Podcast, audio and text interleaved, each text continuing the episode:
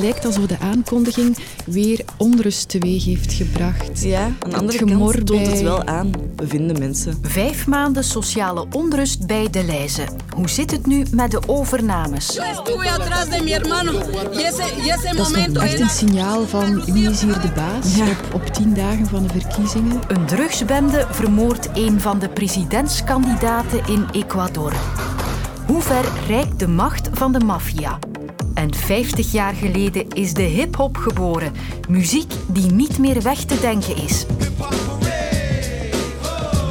Ook die beats steken we in dit kwartier. Welkom. Jouw MC heet Sophie van der Dokt.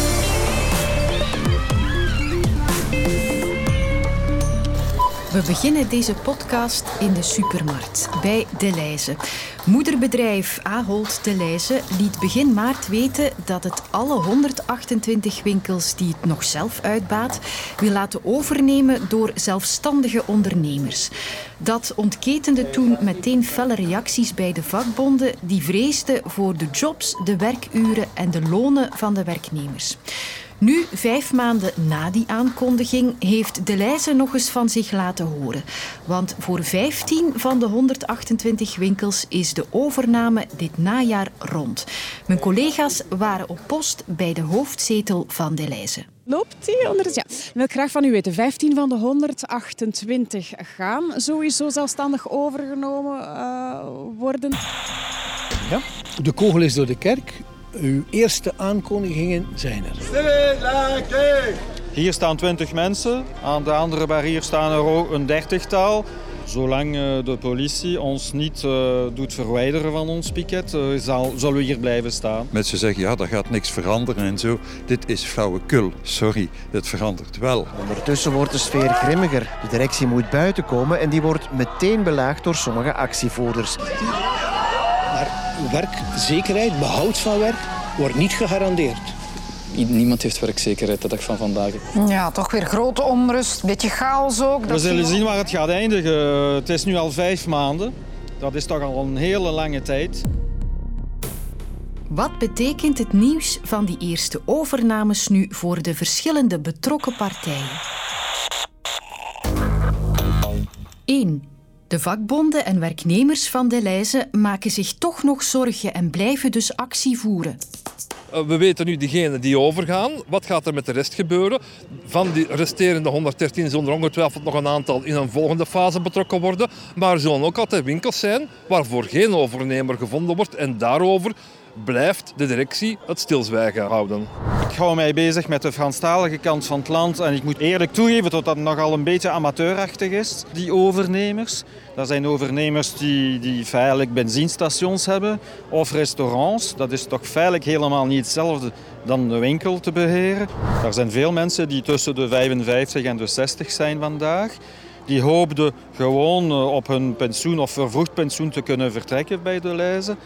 En ja, vandaag zijn dat de duurste bedienden. En die hebben dus soms dan ook nog eens eh, een beetje gezondheidsproblemen. Dus die vrezen wel echt voor hun job. 2. De nieuwe overnemers vliegen er wel enthousiast in. Binnenkort mag ik eh, de trotse uitbater worden van eh, AD Knokke. Ik ben echt een trotse leeuw. Wij zijn eigenlijk één grote familie. En vandaag de dag wordt het ja, bijna gespeeld als, alsof er ja, twee kampen zijn. Maar dat is helemaal niet zo. De Leize is er en wij zijn ja, één pot nat, punt. En in feite worden alle loonsvoorwaarden behouden. Je moet ook goed begrijpen dat als ondernemer in gelijk welke sector, is dat nu in de horeca of bij ons in de supermarkten, het een hele uitdaging is om goed personeel te vinden. Die mensen die daar vandaag de dag staan, die staan daar met passie. Die staan daar als leven, dag in dag uit, geven zij het beste van zichzelf. Dus we hebben die mensen nodig. Hè. En 3. Bij de honderden zelfstandige uitbaters die er al waren, steekt er toch ook ongerustheid op over een nieuw en strikter contract. Ik ben Luc Herdies van buurtsuper.be, de Unische organisatie van zelfstandige supermarkten. Dus de lijst heeft eh, de verkoop van die 128 verlieslatende bedrijven aangekondigd uh, omwille van het zogenaamde entrepreneurship van die zelfstandige ondernemers. En het is nu met dus uh, nieuwe contracten te willen voorleggen die veel strakker zijn, dat men precies dat entrepreneurship compleet gaat fnaken. Um, ik denk dat het veel verstandiger is als je dus bekijkt wat er momenteel bezig is in het supermarktlandschap, dat men effectief die lokale verankering van die, van die zelfstandige ondernemers, dat men die kaart trekt. Maar opnieuw, dan moet men die de nodige commerciële vrijheid geven. In Ecuador in Zuid-Amerika leven ze in een estadio de emergencia, een noodtoestand voor twee maanden. En dat komt door de moord op een presidentskandidaat, Fernando Villavicencio. And turning now to breaking news, the presidential candidate in Ecuador's upcoming elections was killed tonight during a campaign event. Fernando Villavicencio. Esto sucedió específicamente en Villarroel. Professor geschiedenis aan de KU Leuven, Magali Rodriguez, is op dit moment ook in Ecuador. In de hoofdstad Quito, waar Villavicencio vermoord werd. Ik ben nog niet buiten gekomen. Het is nee, effectief, iedereen is in shock. Maar het is niet zo dat, dat het land in een, in een burgeroorlog staat. Hè. Zij vertelt wie de presidentskandidaat was. Fernando Villavicencio stond eigenlijk niet als topfavoriet uh, bij de verkiezingscampagne. Hij stond op plaats 4 uh, of zelfs vijf. Maar uh, een van zijn strijdpunten, of eigenlijk het strijdpunt, campagnepunt van het uh, campagneprogramma van Villavicencio, was de strijd tegen corruptie. En dat is niet nieuw. Uh, Villavicencio was een journalist en activist ook, die al lang bezig is met corruptie, dus om anticorruptiestrijd. En hij was eigenlijk een van de speelfiguren bij de beschuldiging van een van de vorige presidenten van Ecuador, Rafael Correa, die in België woont en die beschuldigd is van uh, corruptie, veroordeeld van corruptie. En om die reden kan Rafael Correa niet terugkomen naar Ecuador. En uh, Villavicencio stond bekend als een fervente anti-Correa. En uh, ja, dan uh, dat tragisch nieuws dat om zes uur plaatselijke tijd ons allemaal heeft doen uh, sidderen. Een drugsbende, Los Lobos, oftewel de Wolven, heeft de moord opgeëist. Maar wat hun drijfveer was, is nog niet duidelijk wie zit er ook daarachter? Dus en, is het een, een, effectief, is het uh, drugsgerelateerd, is het een politieke moord, is het een persoonlijke afrekening? Dus er gaan natuurlijk allerlei hypotheses de ronde. Ja, een van de hypotheses is dan natuurlijk dat dit een afrekening is voor al die eh, corruptieschandalen die Villavicencio heeft naar het licht gebracht. We zitten midden in de uh, verkiezingscampagne. De verkiezingen vinden plaats volgende week zondag. Um, dus ja, je kunt je inbeelden. Er gaan allerlei geruchten uh, de ronde die uh, dus voorstanders, tegenstanders, dus iedereen beschuldigt iedereen. Dus op politiek vlak is dit een compleet uh, chaos. Over het waarom nog veel hypotheses dus. Maar één ding is zeker. Een presidentskandidaat is vermoord door een drugsbende. De macht van de maffia is groot en reikt tot in de hoogste kringen. Helaas moeten we vaststellen dat het uh, geweld gerelateerd, laten we zeggen, aan de drugsproblematiek, dat het inderdaad wel oplaait. Dat ziet ook Bob van den Bergen en hij kan het weten. Bij de Verenigde Naties leidt hij het team dat in Zuid-Amerika drugs opspoort in containers. En hoe machtig de drugsmafia tegenwoordig staat in Ecuador, dat is zichtbaar tot in Europa en België. Ecuador is geen cocaïne-producerend land, uh, zoals Colombia, Peru of, Bolivia. Maar gezien de geografische ligging van, van Ecuador is het een, een van de favoriete plaatsen voor de uitvoer van cocaïne. En wanneer we dan eigenlijk spreken over de uitvoer van cocaïne, spreken we uiteraard ook over het feit de uitvoer richting Europa, de uitvoer richting uh, Antwerpen, de, de haven van Antwerpen in België.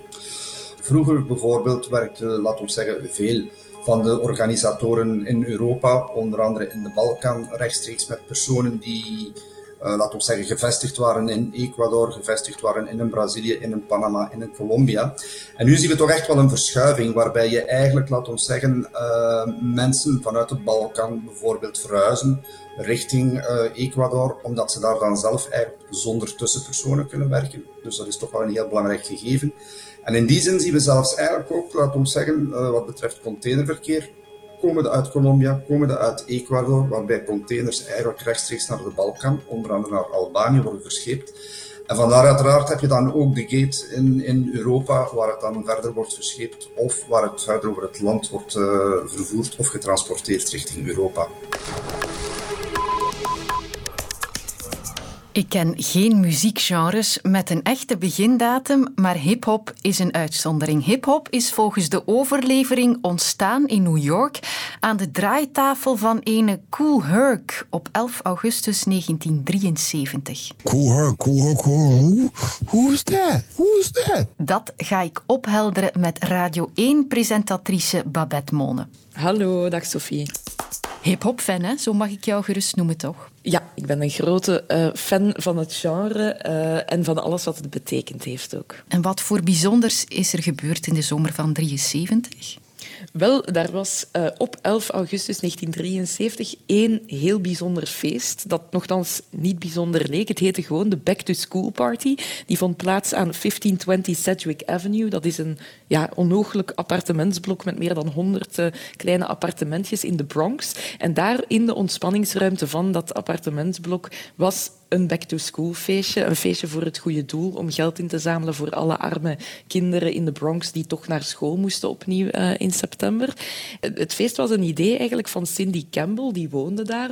En zij had gezegd, mijn broer die kan wel wat uh, aan de draaitafels. Ik zal hem vragen om te komen spelen op dat feest. En daar is dus de godfather van de hip-hop komen draaien, DJ Cool Herc. En wat die aan de draaitafels heeft gedaan die avond, dat is het begin geworden van een heel nieuw genre. En wat deed hij dan juist? Of hoe zit hip-hop in elkaar? Misschien is het handig als we er even een nummer bij nemen. Een nummer dat iedereen wel kent, denk ik. Um, Rapper's Delight van Sugar Hill Gang. Oké, okay, even geduld.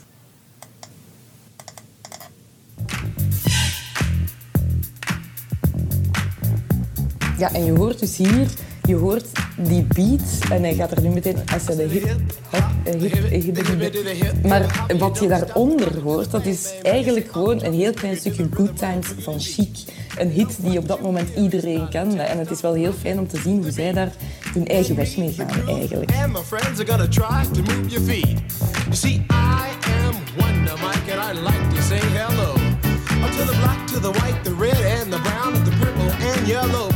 Dat hoekje, dat herken je. Maar ze zijn dat dan eigenlijk helemaal gaan verbouwen en gaan herhalen tot er een nieuwe beat ontstaat. Een breakbeat heet dat dan, omdat het allemaal breaks van nummers achter elkaar zijn. En die verbouwen tot nieuwe beats, breakbeats, waarop je dan kan breakdansen. Gooi daar dan nog een MC bij die ja, het volk een beetje aanvuurt. En dan heb je eigenlijk al drie elementen van hip-hop, namelijk turntablism of DJ'en of scratchen, zoals dat ook wel genoemd wordt. Je hebt dan het breakdansen en je hebt ook het MC'en, wat later ook het rappen uh, geworden is.